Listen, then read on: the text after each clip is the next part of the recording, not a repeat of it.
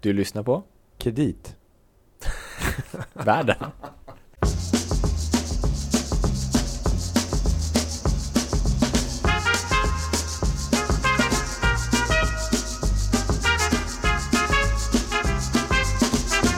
Välkommen då alltså till det första våravsnittet av Kreditvärlden skulle man kunna säga. Solen skiner här utanför och på Louis Landeman. Och eh, Gabriel Bergin. Ja, det stämmer. Som jobbar på kreditanalysen på Danske Bank Markets i Stockholm. Det stämmer Gabriel. Ja. Fortfarande. Två rätt av två möjliga.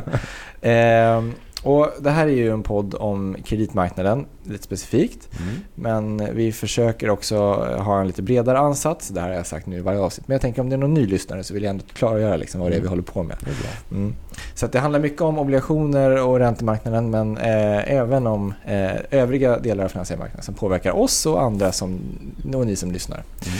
För allt hänger ju ihop Louis, som vi sa i första Ja, avsnittet. det gör ju det på Mm. något konstigt vis. Mm. Vi försöker fortfarande reda ut hur. Ja, exakt. Och idag ska vi prata om någonting som jag tror faktiskt berör de flesta, både små och stora, eh, små, och stora, små och stora sparare. Eller, Små och stora personer tror jag vi ska säga. Bå- Båda, det också tror jag.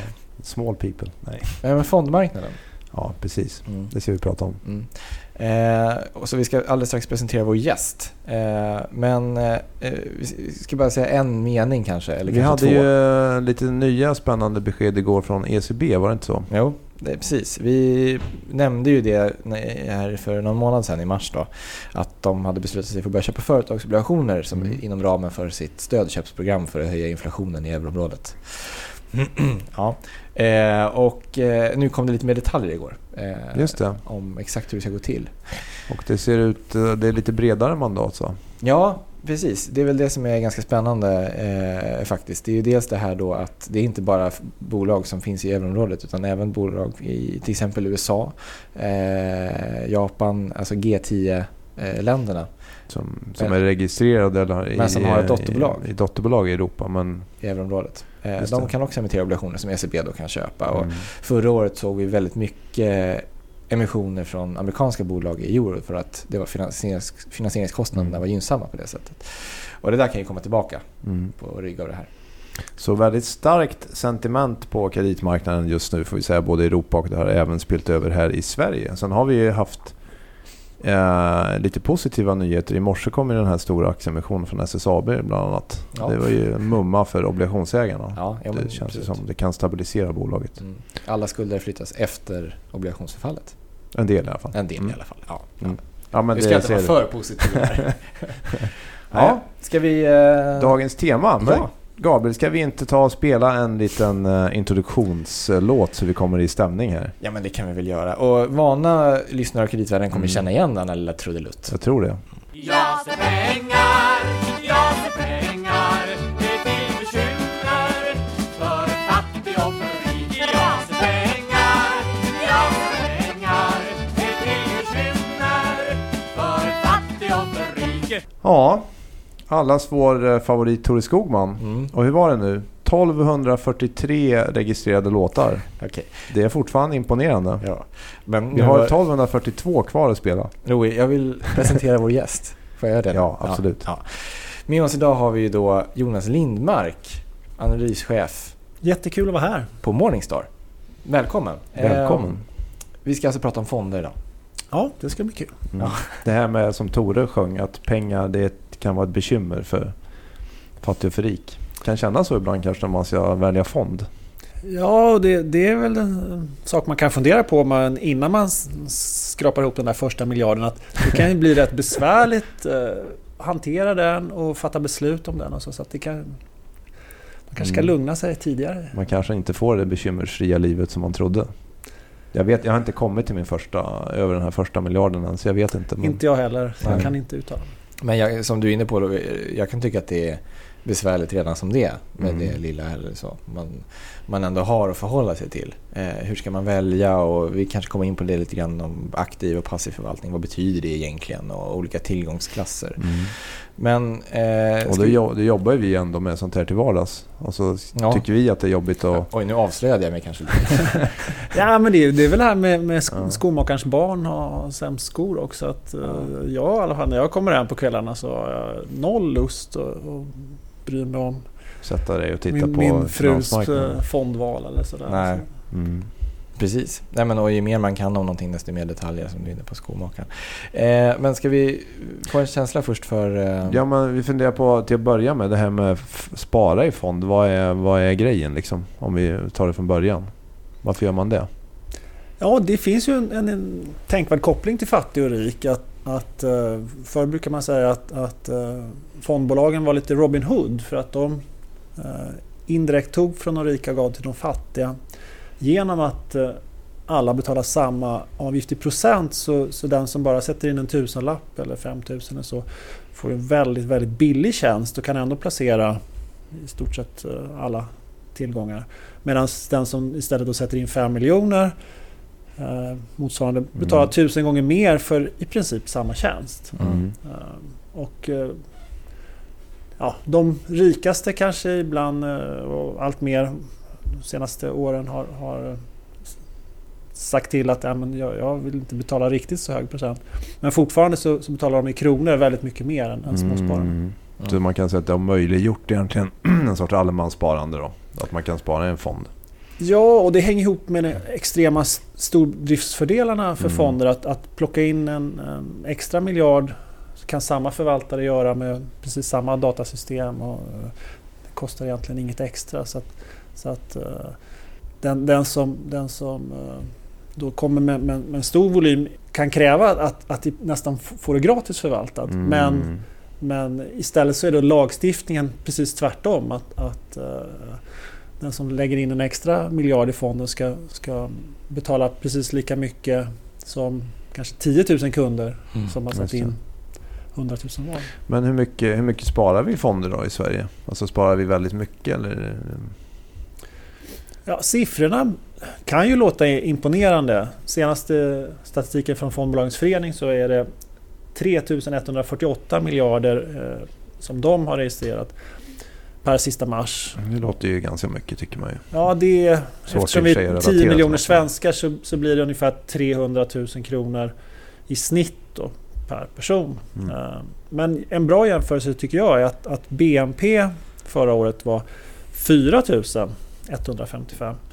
Så drygt 1000 miljarder mer. Så, Ja. så fondsparandet är 75 procent eh, av här, hela landets årslön om man säger så. Så man kan säga att vi i snitt har eh, tre fjärdedels årsinkomst i, i fonder. Just Då det. låter det kanske inte lika mycket.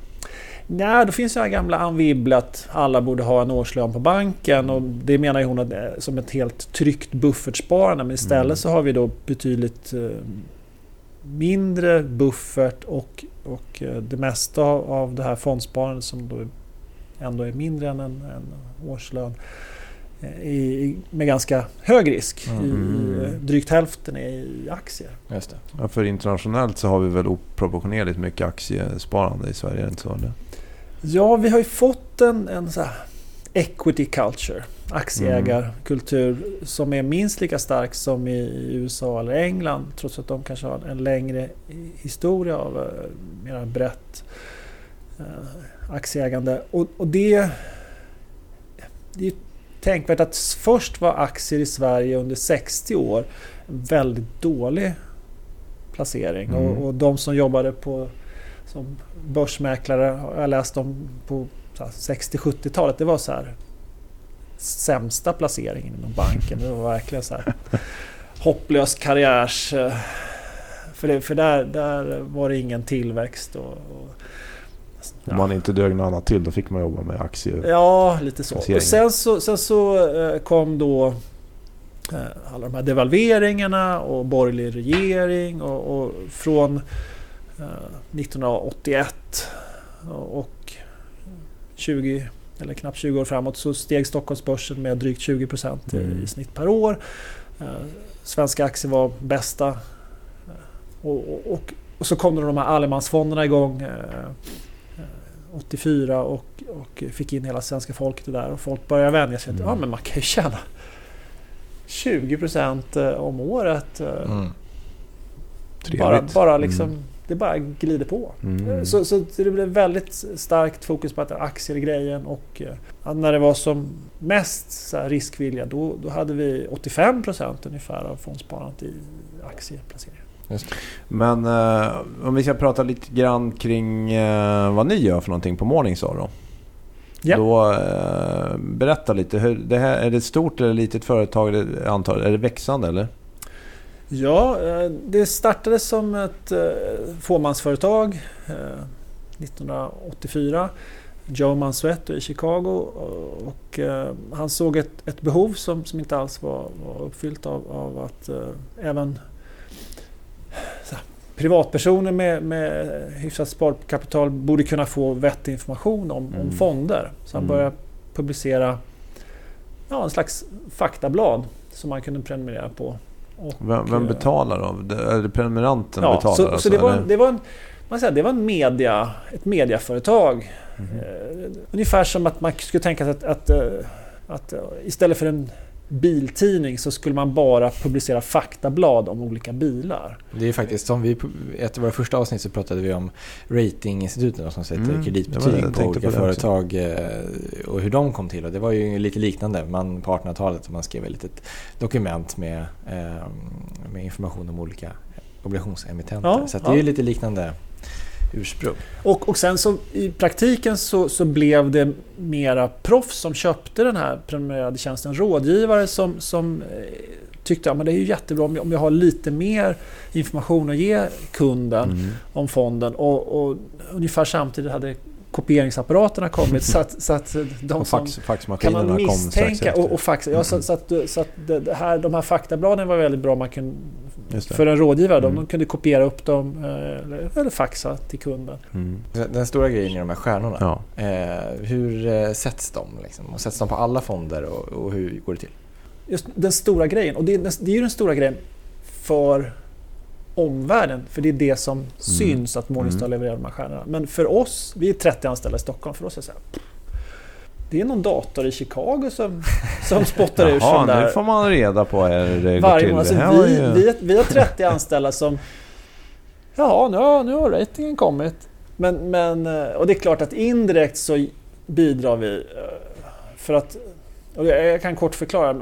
För att en grej är ju att eh, ratingen görs i kategorier. Mm. Och jag till exempel då bidrar till att bestämma vilken kategori en fond ska placeras i. Mm. Och det är Exempel väldigt... kategori? Sverigefond eller? Ja, Sverige Sverigefond Sverige, kan eller? vara. eh, Vi hade eh, räntefonder som, som ni eh, Mm. pratar mycket Mm. om, eller ränteplaceringar, så, så hade vi förut kategorier för penningmarknad, Mm. korta obligationsfonder och långa obligationsfonder och sen den fjärde realränta. Mm. Och sen så härom året så, så blev det tydligt att, att företagsobligationer hade blivit en allt större del. Kreditrisker Mm. Mm. eh, fanns även som dominerande inslag även i fonder som påstås vara riskfria om man såg vilket Mm. index de jämförde. Så då startade vi en ny kategori som, som heter eh, ränte, eh, svenska kronor, företag. Då, företagsobligationer. Mm. Eh, corporate bond på engelska. Mm. Och, och det var ju en svår gränsdragning för att, Mm. för att eh, förvaltarna i Sverige är inte särskilt tydliga med, med det. Men, men det, och det, då blir det väldigt, väldigt avgörande eh, om en fond placeras i den kategorin och jämförs med andra fonder som Mm. kanske har- tar mycket mer kreditrisk. Jämförs man globalt då eller jämförs man... Totalt så, så har Morningstar över 300 kategorier och eh, de svenska fondbolagens fonder, de allra flesta av dem finns kanske i 20 kategorier ungefär. Mm.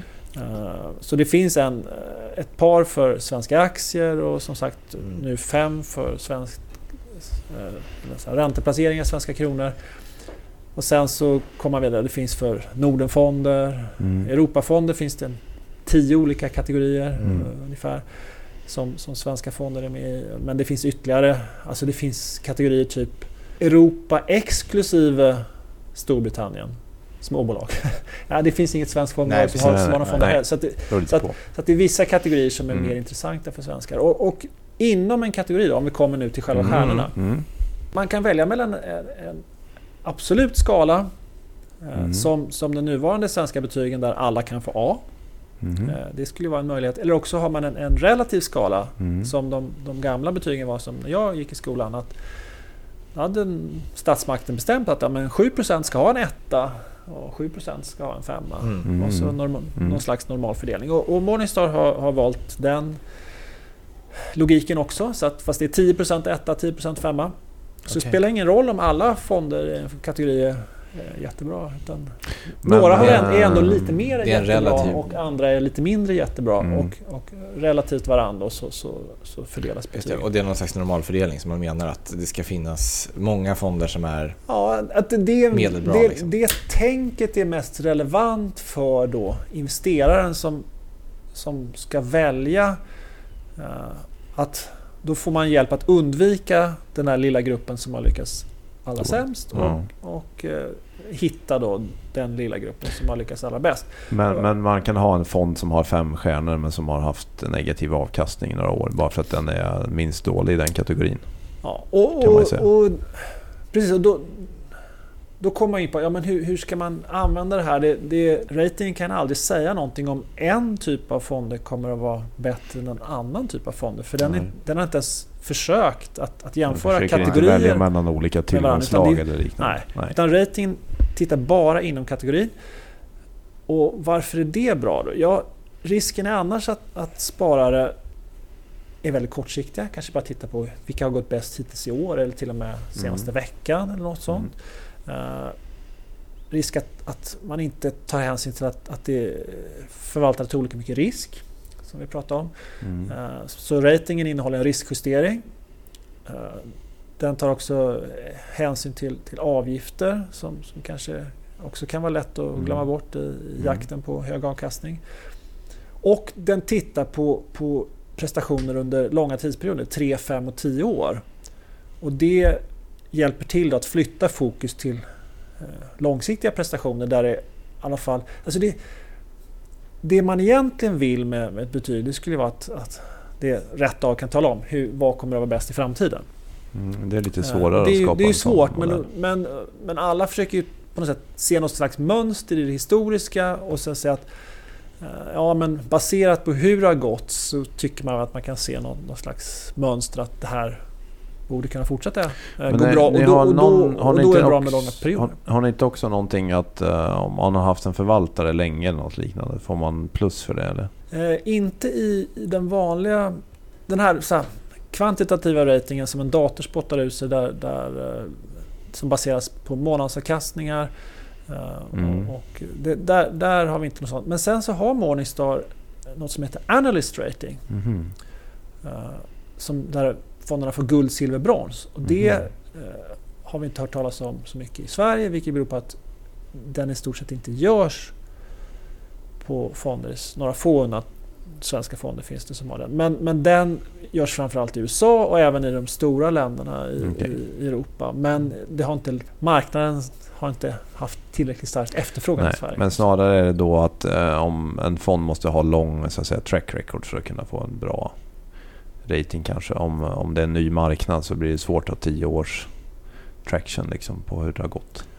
Ja, det, det, och det, där kan jag säga, det, det påverkar ju om man, man kan starta nya kategorier. Mm. Att, att eh, för att vi ska kunna starta en ny kategori och börja jämföra eh, en ny typ av fonder med varandra så måste det finnas tillräckligt många. Mm.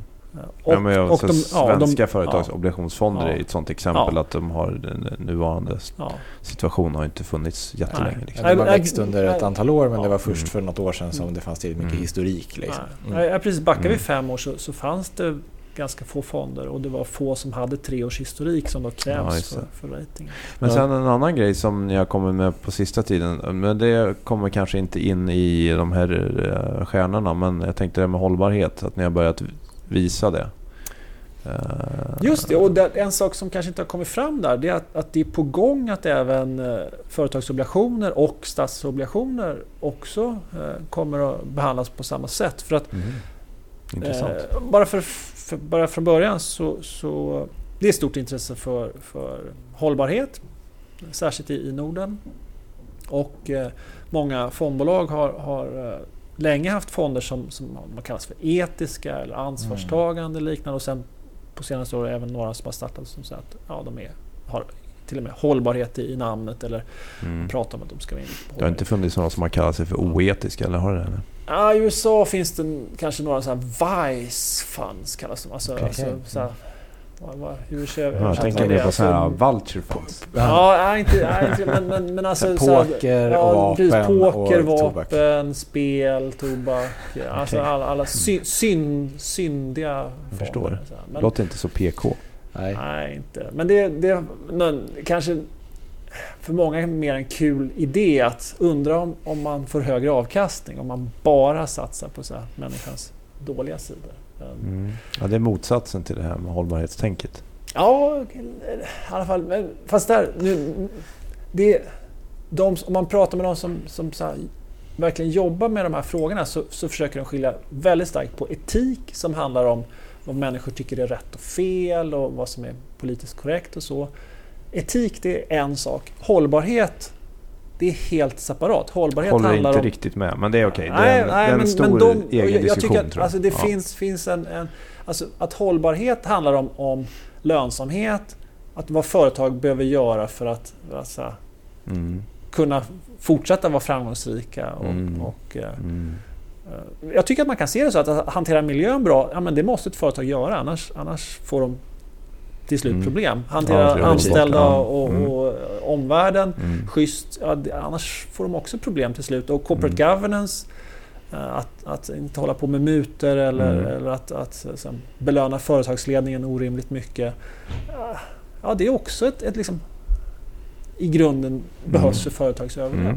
Mm. Nu ska jag komma till, till saken. här. Det är så lätt att dra. Men alla de här fonderna som startade som pratar om etik eller hållbarhet. Ja, det var för mig väldigt mycket prat. Det var svårt att jämföra.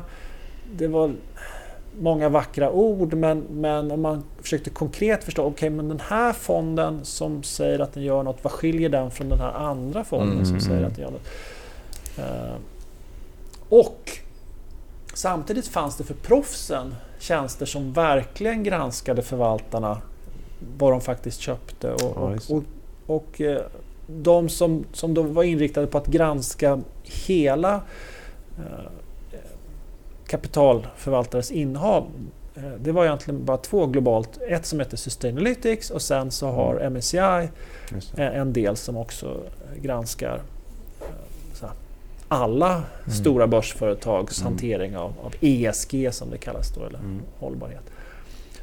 Och Morningstar eh, var en, eh, vår landchef i Holland fick för flera år sedan idén att ja, men det här skulle, skulle vi kunna gifta ihop med det data som Morningstar har. För Sustainalytics och, MSCI de har då data om alla de här eh, många tusen börsföretag.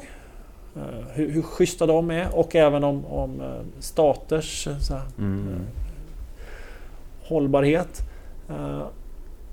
Och Morningstar har dataportföljer, alltså vad fonderna, exakt alla innehaven. Mm. Och, och genom att kombinera de två databaserna så, Mm. så, så kan man få en, en genomlysning av, av eh, och kunna publicera då så hållbarhets- Snittbetyg snittbetyg och så.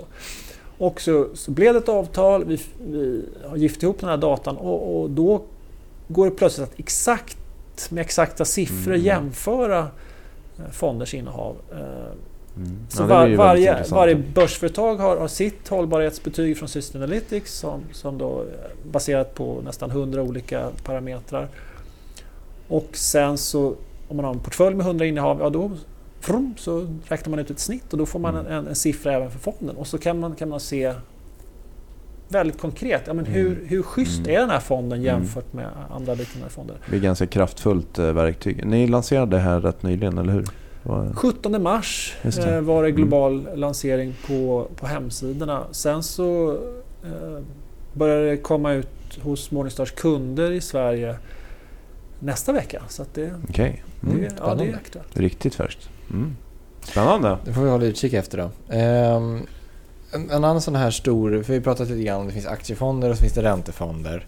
Ehm, och liksom olika tillgångslag. Men en annan sån här va- vattendelare mellan olika typer av fonder har väl varit, eller framförallt är, det är mycket diskussion om det. Det är det här med om fonden är aktivt förvaltad eller passivt förvaltad? Kan du förklara vad är skillnaden egentligen?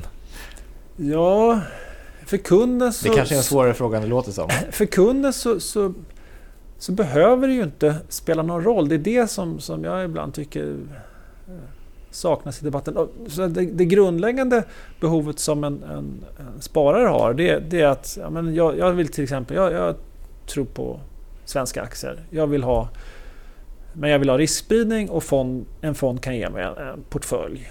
eh, Där jag får liksom brett. Mm. Och, och, och då får jag ju både med, om den är aktiv förvaltad eller passiv förvaltad, så får jag en placering på den här marknaden. Eh, och då är frågan, vill jag ha en, en förvaltare som, som försöker slå index? Det är det som är aktiv förvaltning. Eller är jag nöjd med att bara få index och kanske snarare att fokus är att, att eh, hålla nere kostnaderna så mycket som möjligt. ta en, Eh, en, ja. en låg avgift med en indexfond eller ta en Ja. lite dyrare... För, för, att, ja. för att eh, den här förvaltaren förvaltare. som anstränger sig, han måste ha analytiker till hjälp om det ska gå bra. Mm. Och, och, eh, han, en aktiv förvaltare gör också mycket mer affärer och Mm. det är inte bara att det kostar lite courtage utan market impact säger man på, på engelska. Så är det en, en lite större placerare som, som vill sälja alla aktier i ett, ett lite mindre börsbolag. Eller för den delen en, en lite mindre eh, företagsobligationsemission. Mm. Ja, då, då tenderar det att trycka ner kursen så att, så att eh, man får i genomsnitt eh, lite, lite Mm. sämre betalt. Och, och samma sak om man, om man gör stora köp så, så påverkas marknaden. Så att, så att eh, eh, stor omsättningshastighet eh, ger både synliga och dolda transaktionskostnader. Det kan ju också vara problem kanske ibland med att följa index och så vidare. Du hade något exempel på det Gabriel, det här med Argentina nu när de gav ut eh, nya obligationer. Mm. Ja, nej, men, eller, diskussionen är väl också så här, är det alltid bra att följa index? Just det, precis. Så att, och, och, värdet för, hos, i en aktivt förvaltad fond är väl kanske att man får möjlighet att välja bort vissa saker också. Så att om man, ett index har eh, vissa, det kan ju vara aktier eller obligationer. Och så inser man att det här borde man välja bort. Så att det man vill ha i en aktivt förvaltad fond är kanske någon som, som vågar göra stora avsteg. Mm. Kan man det? Liksom? För exemplet med Argentina är Ja, att precis. det, Argentina gjorde ju nu en rekordemission av obligationer. De kommer tillbaka till kapitalmarknaden första gången sedan 10 år. Och det, det var jättestort 15. intresse. Vad sa du? Sedan 15 år. Ja, exakt. Men mer än 10. Ja, Mm. är ja. Jag, var- jag var inte med då. Det var. Nej, men och, de, eh, och det var ju rekordstort intresse och det är för att många av de här för- förvaltarna tror att de kommer behöva ha, äga de här obligationerna för att de ska kunna följa sitt index för att de kommer bli så, Mm. komma in i index troligtvis.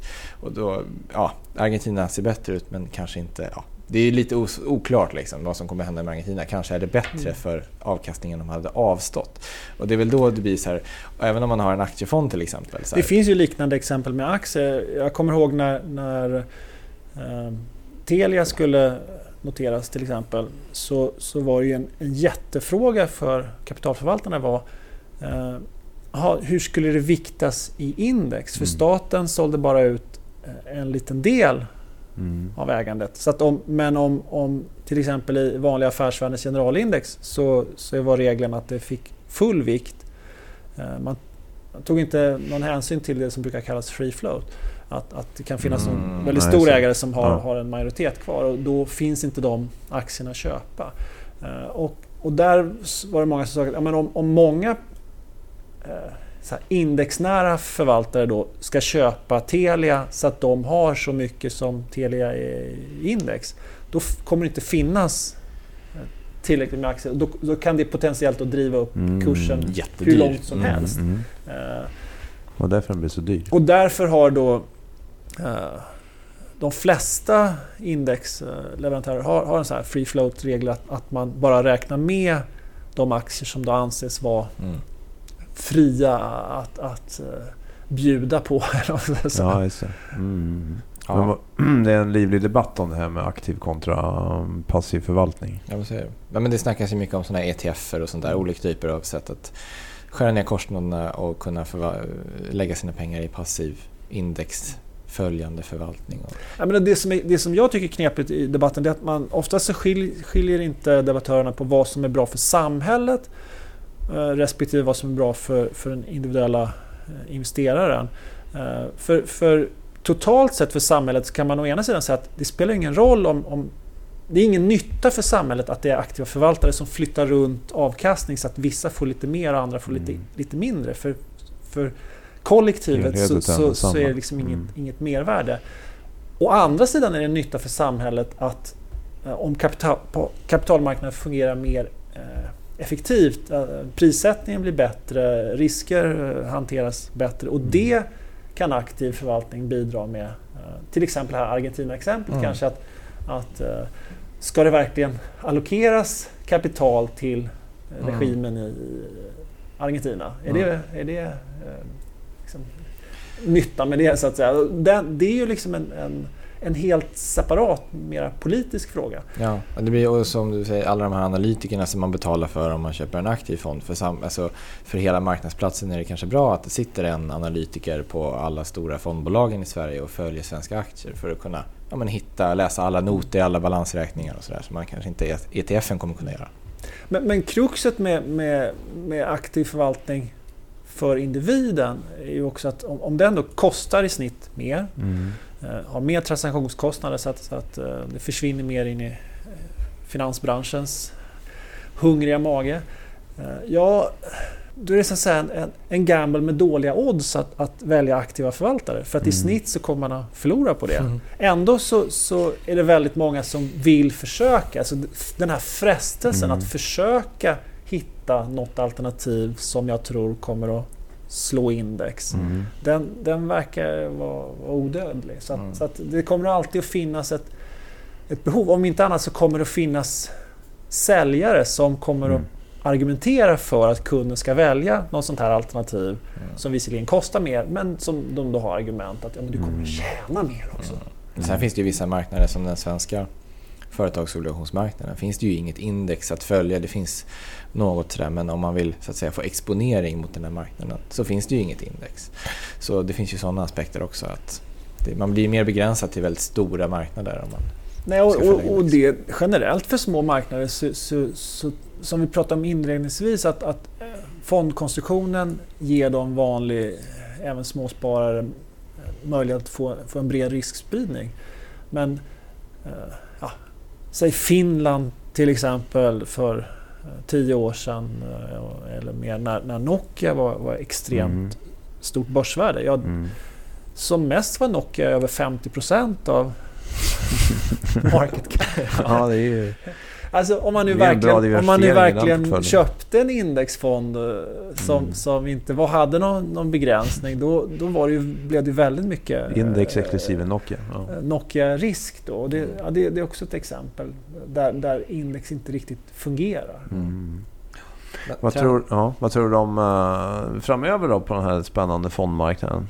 Eller finns det några så här, trender som du tror på?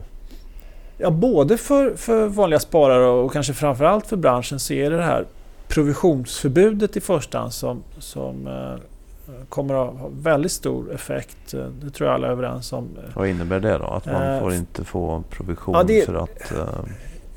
Utgångspunkten är den här debatten som har varit länge att, rådgivare ger dåliga råd för att de styrs av vilket, vilka alternativ där Mm. rådgivaren får mest betalt av, Mm. av leverantören. mm.